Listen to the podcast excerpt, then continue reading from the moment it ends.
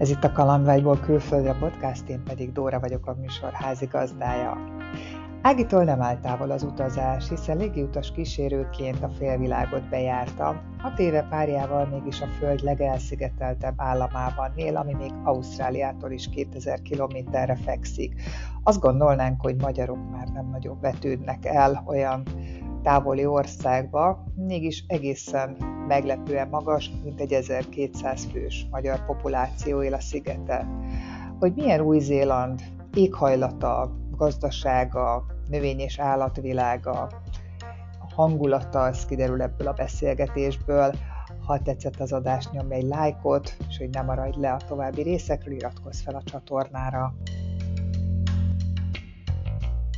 Ági vagyok, 36 éves, Budapesten születtem, az egyetem után elhagytam Magyarországot, légiutas kísérőként dolgoztam Európában, és most már hat éve élek Új-Zélandon. Légiutas kísérő voltál, akkor Igen. gondolom, hogy számtalan országba jártál. Milyen, milyen vonalon mozogtál? Hát igazából Európán belül voltunk, a Ryanair légitársaságnál dolgoztunk, párommal ott ismerkedtem meg, ő is magyar, és először németországi bázison voltunk, és utána pedig Spanyolországban. Meddig csináltad ezt, hány évig? Ryanairnél négy évet voltam, én utána légitársaságot váltottam a Travel Service pozsonyi bázisára, párom pedig tíz évig. Mi kell ahhoz, hogy valaki stewardess legyen? Ez ilyen álommunka, így a fiatal lányoknak, meg mindenki erről fantázia, hogy majd ő stewardess, és akkor mennyit utazik, hány helyre eljut, de, de milyen ez a valóságban? Mennyire van lehetőség arra, hogy valóban élvezd az adott országot, ahova megy a gép? Ugye hát ez légitársasága válogatja, én most a Ryanairről vagy a Travel Service-ről tudok ezzel kapcsolatban beszélni, annó, ugye hát itt nem, nem tegnapról beszélünk, elég volt az érettség és a, az idegen nyelv tudása, nem kellett nyelvvizsga, ugye az angol a repülésnek a fő nyelve, és hát az interjú az angolul zajlott, a Travel Service-nél kellett angol tesztet is írni, a Ryanair-nél igazából csak egy elbeszélgetés volt, lehet, hogy azóta ezek változtak, és akkor az interjú után kaptad meg a bázisodat, tehát addig nagyjából lutri volt, hogy hova kerülsz, Mind a két légitársaság hazatér estére, tehát ugye van egy anyabázisod, ahonnan folyamatosan kirepülsz. A Travel Service-nél voltak ott alvós járatok, a Ryanair visszafordulós, tehát ő elmész, és nem igazából tudod élvezni azt az országot, ahova ugye megérkezel, ugyanakkor olyan extra juttatások vannak a fizetésed mellett, hogy ugye ez a staff travel, hogy nagyon olcsón tudsz elutazni, és elég jó a beosztásod, tehát azért nagyjából három-négy szabadnapod mindig van együtt, amit ugye átmehetsz és, és körbenézhetsz, és ami, ahova repül maga a légitársaság, te oda nyugodtan tudsz menni. Mennyi utad volt, ezt így számon tartod? Hú, igen, van egy applikáció hogy a légiutas kísérők között, azon egy ideig jegyzeteltem, egy időben elfelejtettem sajnos. Hát sok, azért ugye nagyjából egy évben egy olyan 7-800 órát repültünk és hogyha ha azt nézzük, ugye, hogy párom tíz évig repült, ugye én, én összeadva nagyjából ilyen öt, öt évet, hat évet repültem, akkor, akkor ugye hát ki lehet számolni ilyen 5000 óra, plusz ugye a privát repülések, a magán célú repülések. És elég volt ennyi? Nem. Én maradtam a szakmában, nem légiutas kísérőként dolgozom Új-Zélandon, mert a vízum itt egy kicsit másképp van, tehát nem lehettél légiutas kísérő egészen addig, amíg nem vagy rezidens vagy állampolgár. Most már azok vagyunk, tehát most már jelentkezhetek, de hát ugye a Covid egy kicsit közbeszólt mindennek. Hát én most is repülésben vagyok, tehát az a szívem csücske maradt ez a szakma. Hát még gondolkodom erőteljesen, hogy, hogy visszamenjek repülni, mert én nagyon-nagyon szeretek. Privátban is, és munkaügyileg is nagyon szeretem. Mit csinálsz most? Én most egy kis repülőgépes szervizt vezetek, iskoláknak, tehát pilótaképző iskoláknak a kis repülőgépeit szervizeljük, és akkor ott én, én csinálom a jogi papírokat, előkészíteni a fiúknak a munka menetet, hogy mit kell megcsinálni, milyen vizsgálatot, mert ugye a repülőgépeknek is ugyanolyan engedélyei vannak, mint egy autónak, tehát ugyanúgy évente kell vinni, vizsgáztatni, vagy száz óránként. Még egy utolsó kérdés erről a stewardesskedésről. Volt bármilyen olyan helyzet, amikor úgy, úgy megrettentél, hogy ebből mi lesz? Hál' Istennek, a Ryanairnek nagyon jók a statisztikái, tehát ott, ott nem, nem volt semmi, hogy mondjam, ilyen katasztrófa jellegű történet, hogy, hogy nekünk kényszerleszállást kellett volna azért csinálni, meg géphiba volt, vagy vészhelyzet. Egészségügyi problémák azok, azok rengeteg volt, nagyon sok volt, sokszor félelmetes szituáció. Fiatalon kezdtem el, és ugye szembesülni olyanokkal, amikor valaki előttet a szívinfarktust, akkor hiába van meg a tréning, azért ott derül ki, hogy az ember mennyire tudja kezelni a stressz helyzetet vagy a pánikot, vagy hát volt bedrogozott utas, volt olyan utas, akit kiutasítottak bűncselekmény miatt országban, és akkor ugye ő bilincsbe verve hozták fel ugye a repülőgépre, meg, meg ilyen apróbb szituációk, de hál' Istennek lekopogom, semmilyen biztonságtechnikai dolog az én repülésem alatt nem ért. Hogy honnan jött a Fülöp-szigetek? Mi történt hat évvel ezelőtt, hogy ti oda mentetek. Egyébként ez előtt éltél máshol életvitelszerűen külföldön, vagy ezt Magyarországról startoltatok oda? Én idegenforgalmat végeztem, én már az iskolát elmentem ugye szakmai gyakorlatokra, Görögországba, Ciprusra. Utána, amikor, amikor végeztem az iskolával, nem találtam Magyarországon olyan munkahelyet, ami megfelelő lett volna a számomra, és teljesen véletlenül lett ugye a légiutas kísérő, hogy egy barátnőm hívott, hogy te figyelj, interjúztat a Ryanair, gyere, menjünk el és felvettek. És akkor az első bázisom ugye Németország volt, ahol ugye két évet, két és fél évet éltünk, és akkor onnan át Spanyolországból ugyan ennyit. Úgy gondolom, hogy ez mind a kettő életvitel szint, mert ott volt a lakásom, ott volt az internet, a telefonszámlám, mindenem, a kocsink. Aztán Pozsonyban, hát ott ugye ingáztam, hát ugye ott Budapest azért már annyira közel van, hogy, hogy ott, ahogy szabad napom volt, hazamentem, tehát ott egy szállodai szobám volt, amit, amit fixre, hosszú távra kibéreltem, tehát ott inkább nem mondom, hogy éltem. Ugye kicsit hazamentünk Magyarországra, és akkor jött a, a hát ugye az egész ez a bevándorlási történettel kezdődött, hogy kicsit mentünk csak haza Magyarországra, és akkor láttuk, hogy nem annyira jó számunkra a helyzet, nekünk nem volt megfelelő, és kitaláltuk, hogy hát el kéne hagyni újra az országot valamerre, és akkor ugye már voltak ezek a bevándorlási problémák Európában, ugye elkezdődött a párizsi terror, cselekmény, Brüsszel, London, és akkor ugye gondolkodtunk, hogy hova. És akkor realizálódott, hogy igazából el kéne menni magából a kontinensből, tehát Európát is elhagyni, és akkor elkezdtünk matekozni, hogy oké, okay, de hova? Az angol ugye a fő nyelvünk, tehát ez, ezek játszottak ugye, hogy Amerika, Kanada, Ausztrália, Új-Zéland, és utána jött az, hogy hova van lehetőségünk magyarként bejutni, hol tudunk vízumot szerezni, meg még az is egy szempont volt, hogy nekünk van egy kutyánk, egy Rottweiler kan kutya, hogy melyik országba fogják őt beengedni.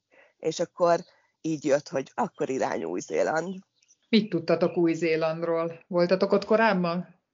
Nem, nem voltunk, ez nagyon izgalmas volt, mert én akkor már párommal együtt voltam 7 éve, és egyszer csak benyögte nekem, hogy ő mindig is Új-Zélandra vágyott, ez teljesen meglepetésszerű volt. Hát ugye én, én idegenforgalmat végeztem, tehát volt némi rálátásom Új-Zélandra, de ugye az idegenforgalma is inkább Ausztrália és óceániaként tanul róla az ember. Tudtam, hol van a térképen, nagyjából ugye a politikai helyzetével, tehát hogy a demokrácia, a jóléti társadalom, ugye, hogy melyik oldal, tehát hogy az angol közlekedési rendszer, hogy angol száz gyarmat, nagyjából ennyit tudtam róla, nem voltunk itt, Hát ugye itt jöttek a keresések a, a Google-ön, meg mindenféle portálon, hogy egyetem például van-e ismerős, aki tudna nekünk segíteni, vagy hogy kell a kutyát kihozni ilyen messzire, és, és ezek a, az ilyen background checkek, hogy úgy mondjam, megtörténtek egy évig. Olvastunk, utána néztünk, utána beszéltünk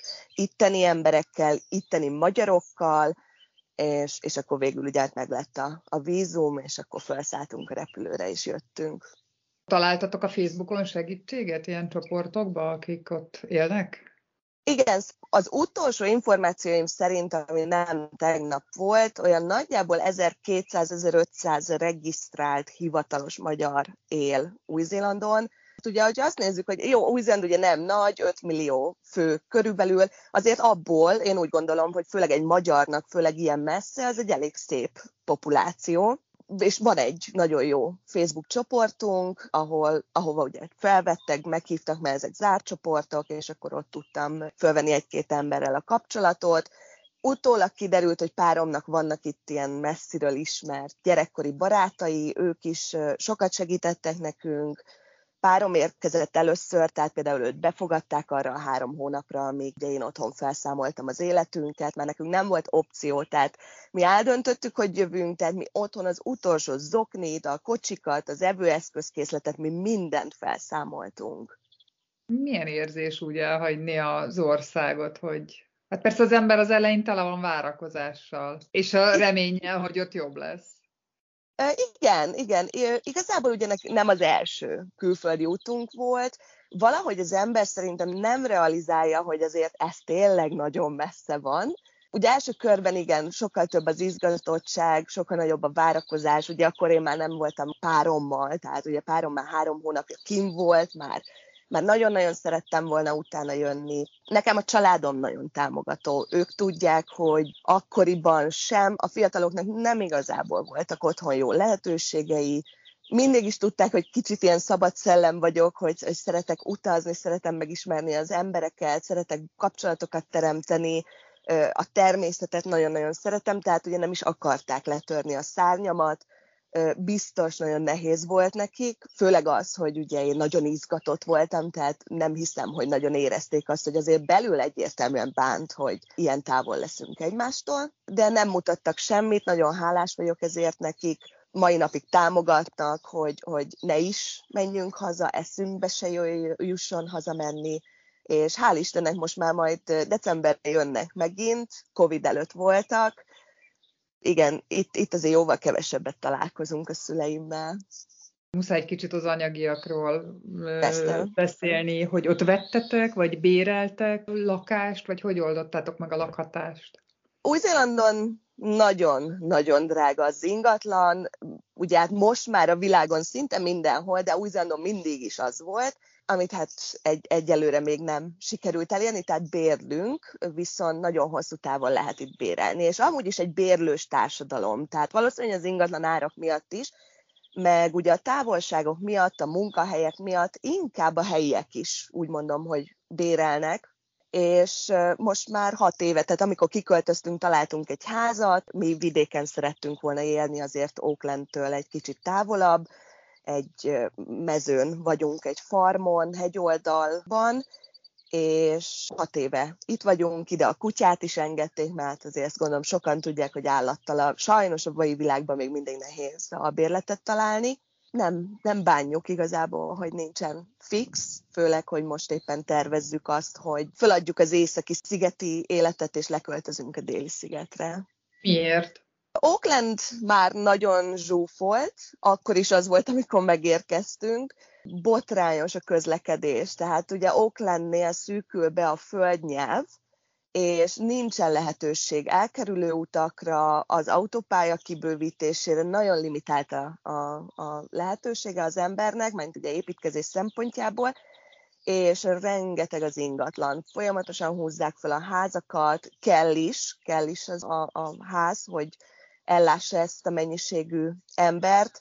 Ugye nem Oakland a főváros, viszont Oakland a legnagyobb. Itt van a legtöbb munkalehetőség, aki megérkezik Új-Zélandra, az nagyjából mindenki ide érkezik első körben, és egy kicsit csendesebb környezetre vágyunk. Christchurch, Déli-szigeten nagyon jó közlekedésileg is, három körgyűrűje van, kicsi a város, sokkal könnyebb a bejutás, egy nagyon egyszerű, rövid példa, 2016-ban én a belvárosban dolgoztam, és 45 perc alatt beértem. Mi 40 kilométerre vagyunk a belvárostól, és 45 perc alatt ben voltam, egy évvel később ez másfél óra volt.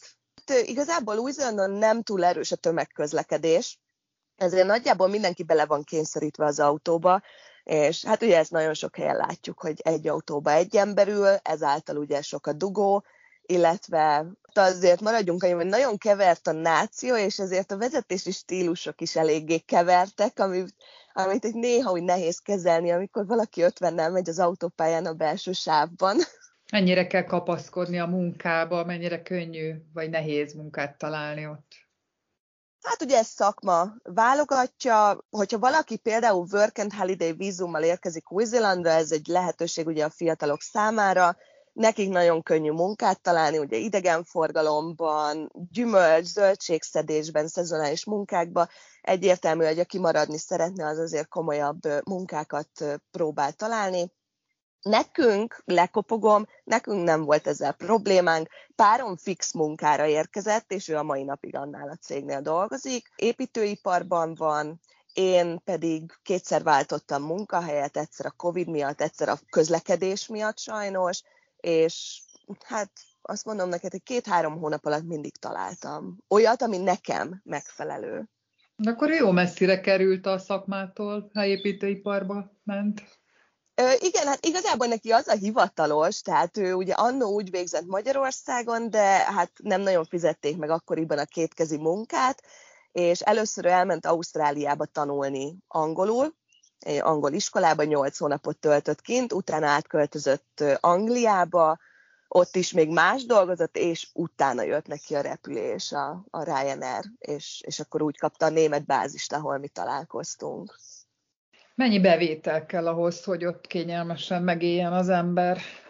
A kényelmes, ugye ez egyértelműen mindenkinek más, nekünk nincsen gyermekünk, az teljesen más történet, ahhoz sok, nagyon drága az óvoda, az nem államilag támogatott, iskolától támogatott, de nagyon sokan szeretik magániskolába iratni a gyerekeiket, másabb az oktatás. Nekünk úgy, hogy nincsen gyermekünk, kint lakunk vidéken, ahol, ahol ugye azért olcsóbb is az ingatlan, de élünk egy kellemes életet, tehát haza tudtunk utazni, eljárunk nyaralni, van három autónk, a kutya, illetve a ház.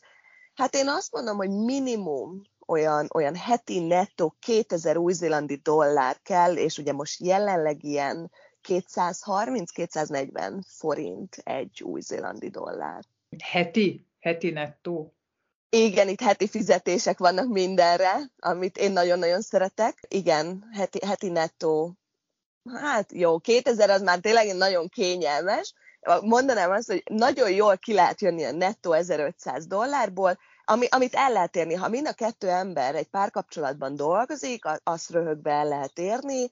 Ugye az egyedülállók értelmszerűen fele ennyit keresnek, fele ennyit költenek, meg nagyon sokan laknak együtt. Tehát, hogy kibérelnek többen egy nagyobb családi házat, több szobával, és akkor ugye a konyha közös helység, általában ugye ezekben a házakban több fürdőszoba van, és akkor ugye így osztódnak a, a rezsi és az ingatlan költségei. Így tudnak spórolni. Hogy tetszik az ország? Ugye megérkeztetek az elvárásokkal, és ahhoz képest milyen, milyen volt megismerni, milyen volt belakni a szigetet? Ú, nagyon izgalmas, teljesen más világ, és Ugye Európában volt szerencsénk több országban élni, több nációt megismerni, több helyre elutazni, belelátni az emberek hétköznapjaiba, és akkor megérkeztünk Új-Zélandra, főleg én, nagyon meglepődtem. Nagyon meglepődtem, hogy emberek még tudnak élni ilyen békében, nyugalomban, biztonságban és szeretetben, hogy nem félsz szemkontaktust felvenni a másikkal az utcán, hogy a nagy bevásárló központban, tehát most egy ilyen Tesco jellegű központban az összes pénztáros tudja a kutyám nevét, és megkérdezik, hogy hogy vagyunk.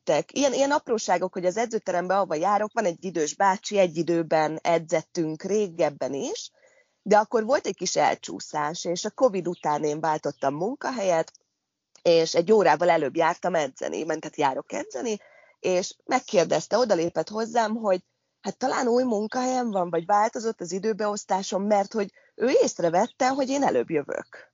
Tehát, hogy, hogy annyira odafigyelnek egymásra, és nem bántják egymást, nem tesznek a másik alá, hanem inkább szupportálják az embert. Az elején életidegen volt számomra, és mindig, mindig ha háta mögé akartam nézni, hogy úristen, miért ilyen kedves velem. Biztos akar valamit, biztos. Igen. Ami célja van ezzel. És egyébként könnyű is így akkor barátkozni, vagy ez csak a felszín? Azt mondanám, hogy is is. Sok podcastodban hallottam, ugye, hogy nehezebben illeszkednek be, illetve helyi barátjaik nem is nagyon vannak az embereknek. Nekünk szerencsére akad, de nem annyi, mint ugye más nációkból. Én nem feltétlenül mondanám azt, hogy ők a felszínesek, inkább mondanám a a különbségeket, a gondolkodás, a neveltetés, a történelmi, és ezeket a a fajta különbségeket egymás között, tehát a, a kivik, ugye nevezzük őket, az új-zélandi fehéreket kivinek, és ugye a helyieket pedig maori-nak hívják. Az angol száz kivik, ők alapvetően egy picit zárkózottabbak, és nagyon nehezen tudnak kommunikálni bizonyos témákról, ilyen a, a szexualitás, ilyen a pénz, és nagyon belsőséges dolgok, és én úgy mondom, hogy egy-két év kell ahhoz, hogy egy ember, akivel te akár napi kapcsolatban vagy, megnyíljon neked annyira, hogy ilyenekről tudjál beszélni. A magyar szerintem ennél egy kicsit nyitottabb.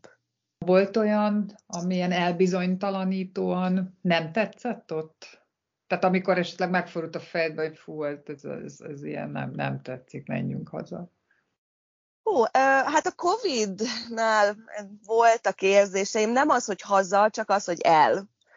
Akkor voltak olyan gondolataink, hogy hát lehet át kéne menni Kanadába, mert úgy, ugye maga az ország volt Új-Zélandon, ugye mi voltunk bezárva, tehát nem, nem a házakban voltunk alapvetően, hanem ugye hát 2020 márciusban lehúzta a rolót, és se ki, se be nem lehetett utazni az országba, és két és fél évig voltunk zárva, ami nagyon hosszú idő.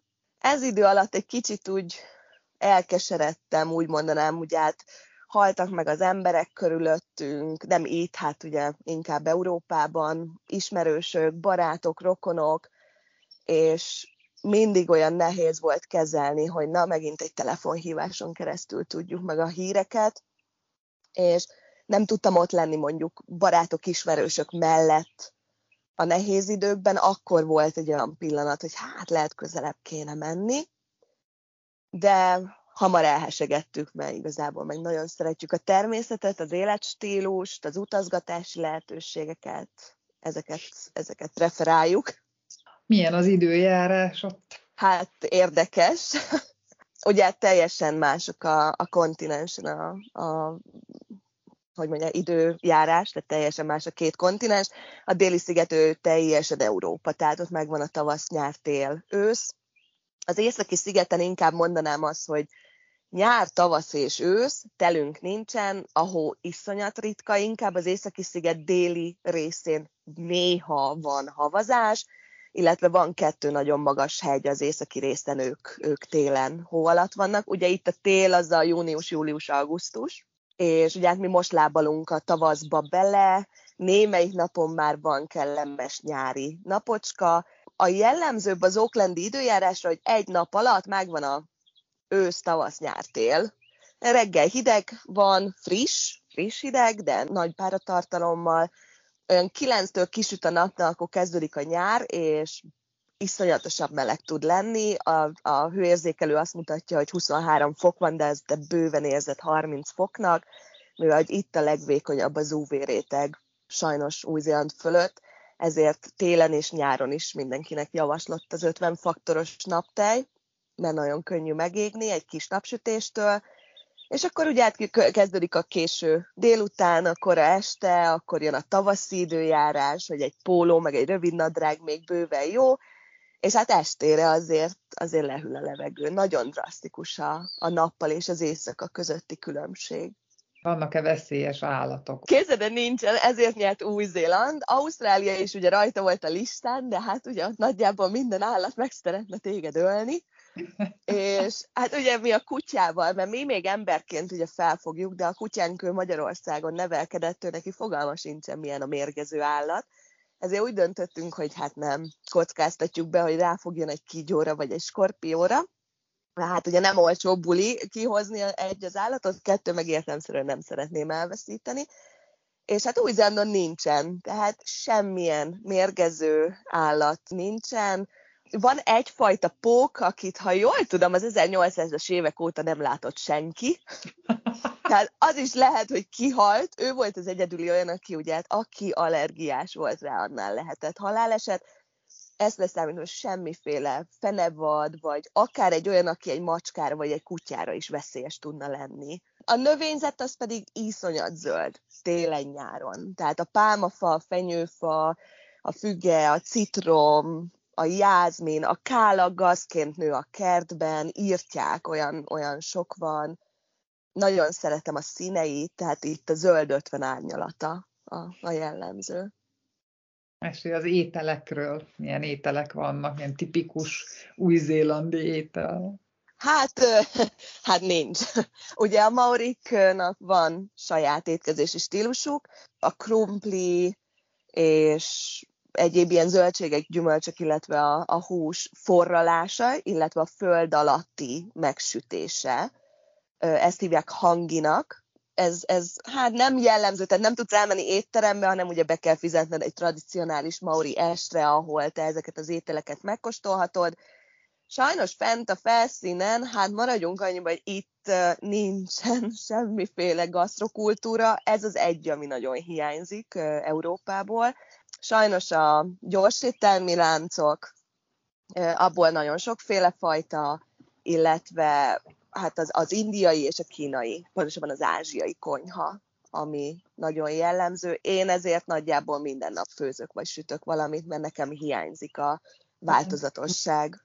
Magyarul főzöl? Igen, alapvetően igen. Hát most ugye mennyire lehet mondjuk egy rántott húst magyarnak nevezni, nagyon sokszor csinálják rakott krumplit, húslevest, azok nekem nagyon hiányoznak, azt anyukám nagyon jól tudja csinálni, és én nekem így, amióta külön élek, soha nem sikerült eltalálnom, hogy olyan legyen.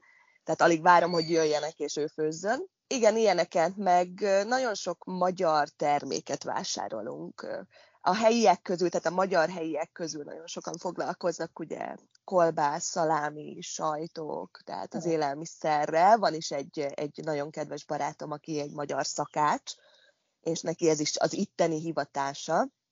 És amikor van lehetőségem, akkor azért, hogy bevásárolok, mert hiányzik az az ízvilág. Milyen gyakran jártok haza, vagy, vagy jönnek a rokonok? Hát ez egyáltalán nem jellemző. Mind a ketten párom is, és én is egyszer voltunk otthon. Párom nemrég jött haza körülbelül két hete. Hat év, Hat év alatt. alatt. Így van, így van. Egyszer nem volt otthon hál' Istennek a családja volt kint, meg neki a pandémia előtt a huga kiköltözött, tehát most már ő is itt van, tehát neki van egy kicsi szelet a, a családból. Én voltam 2018-ban otthon egy kedves barátnőm esküvőjén, meg hát ugye családlátogatáson, és utána 2020-ban, pont a pandémia előtt jöttek a szüleim két hónapra, és most december 30-án érkeznek, és most majdnem három hónapot lesznek itt. Akkor kielvezitek egymás társaságát bőséggel. Igen, igen, nagyon várom már, mert már teljesen megszerveztem mindent, az utazásokat, belföld, egy kicsi külföld, lesz itt nagy jövés-menés. De jó. Ági, van-e valami ottani történeted, ami ott esett meg veled, amit így meg tudsz osztani? Van, igazából pont a, ugye a különbség, ugye sokszor kapjuk meg azt a kérdést, hogy miért költöztünk Új-Zélandra, miért költözünk ilyen messzire. Főleg ezt a helyiek is nagyon sokszor megkérdezik. Ugye mindig elmondom, hogy nem megélhetés miatt költöztünk új de inkább a, az atmoszféra és a, a kedvesség és a, ugye az ilyen különbségek miatt és erre nagyon rövid két aranyos történetem van. Amikor én megérkeztem három hónappal később, akkor hál' Istennek párom ki tudott venni majdnem egy hónap szabadságot, és elmentünk ugye utazgatni, megmutatta nekem így, a, amit már ő látott a szigetből, és egy regionális parkban sétálgattunk, sehol nem volt senki, a tengerparton húzódott ez a, ez a rész, és egyszer csak, hát tisztes távolságból belefutottunk egy maori családba, akik ott piknikeltek a, a tengerparton, és lehetünk azért egy bő száz méterre, de oda kiabáltak nekünk, hogy esetleg nem vagyunk-e éhesek, mert hogy annyi kajájuk van, nagyon szívesen megosztják velünk. Nem tudtunk egymásról semmit, tehát, hogy, hogy ez volt az első, ami úgy megmelengette a szívemet, hogy ó, oh, tehát van, van, van még ilyen a világon. És oda mentetek? Hát oda lép, tehát közelebb mentünk, hogy beszélgetni tudjunk, nem voltunk éhesek, megköszöntük nekik, hogy, hogy felajánlották, és akkor egy pár percet beszélgettünk, és folytattuk ugye mi a kirándulás tovább. A, a másik ugyan ehhez a kedvesség és az emberek mentalitásához, az pedig amikor a szüleim jöttek, akkor ugye, hogy elkerüljük a jetleget, ugye ezt a kialvatlanságot, nagyon hosszú út után, ugye hát idősebbek, 30 valahány órát repültek, hosszú várakozási, de szegények hullafáradtak voltak, és ugye, hogy reggel érkeztek kora délelőtt, ezért ugye próbáltam őket távol tartani mindenféle ágytól, hogy véletlenül se aludjanak el, mert akkor egy hétig nem fognak magukhoz térni, és mondtam, hogy hát akkor elmegyünk bevásárolni. Hát ugye anyukám is olyan, mint én, hogy az volt az első nekem is, hogy megérkeztünk be a bevásárlóközpontba, és végignézni az összes élelmiszert, az összes gyümölcsöt, mindent megtanulni. És hát ugye anyának mondtam, hogy na jöjjön, akkor elmegyünk bevásárolni. Apa mondta, ő megvár a kocsiban, és már beálltunk a kasszához, amikor rájöttem, hogy valamit elfelejtettem, és mondtam anyának, hogy maradjon itt, én mindjárt jövök. És amikor már vesz, sétáltam visszafele a kassa fele, akkor láttam, hogy hát anyukám nem túl magas ember, és vele szembe áll egy körülbelül két méter magas, izmos, felnőtt maori férfi, és néz lefele édesanyámra, és beszél hozzá.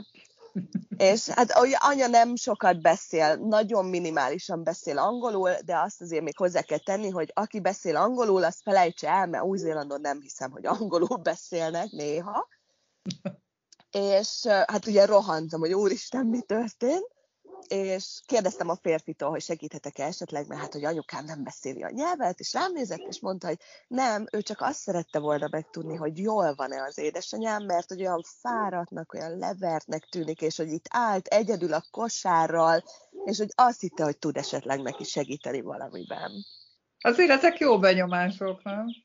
Igen, tehát e- ezek azok, hogy ugye 2018-ban hát voltam otthon Magyarországon, és akkor még nem régóta éltem Új-Zélandon, és nem bántásként mondom meg, ez mindenkinek teljesen más. Hát én két hét után éreztem, hogy én vissza szeretnék már jönni. Én már nem tartozom oda, én is lehiggadtam, én is változtam, én is sokkal nyitottabb lettem, sokkal jobban próbálok segíteni vadidegen embereknek, és, és valahogy az a közelg az már egy kicsit számomra fullasztó tud lenni néha. Miben változtál még azon kívül, hogy segítőkészebb vagy? Természet szeretete, a, a tisztelet a természet felé az a részemről mindig megvolt, de nem volt olyan nagyon sok közös szabadidőnk, mindig, mindig valahogy én ilyen városnézős, kulturálisabb, múzeumos, vagy tengerpartos típus voltam, vagy tartottam magamat inkább annak, Viszont amióta itt élek, rájöttem, hogy nekem az erdő, a hegyek, a, a dombok, a megmászni, a felmászni, a hosszú túrák, a hátizsákos, akár volt már arra példa, hogy, hogy sátorban ott alvós a semmi közepén túrás lány lettem, hogy így mondjam, amin sokan meglepődtek, ami úgy vicces, hogy néha úgy megjegyezték, hogy hát nem gondolták volna, hogy én én föladom a magas sarkus karrierista városi létemet azért, hogy, hogy mondjuk például most, ahogy, ahogy kint ülök a, a vidéki ház teraszán, és, és hallgatom a csendet és a madárcsicsergést.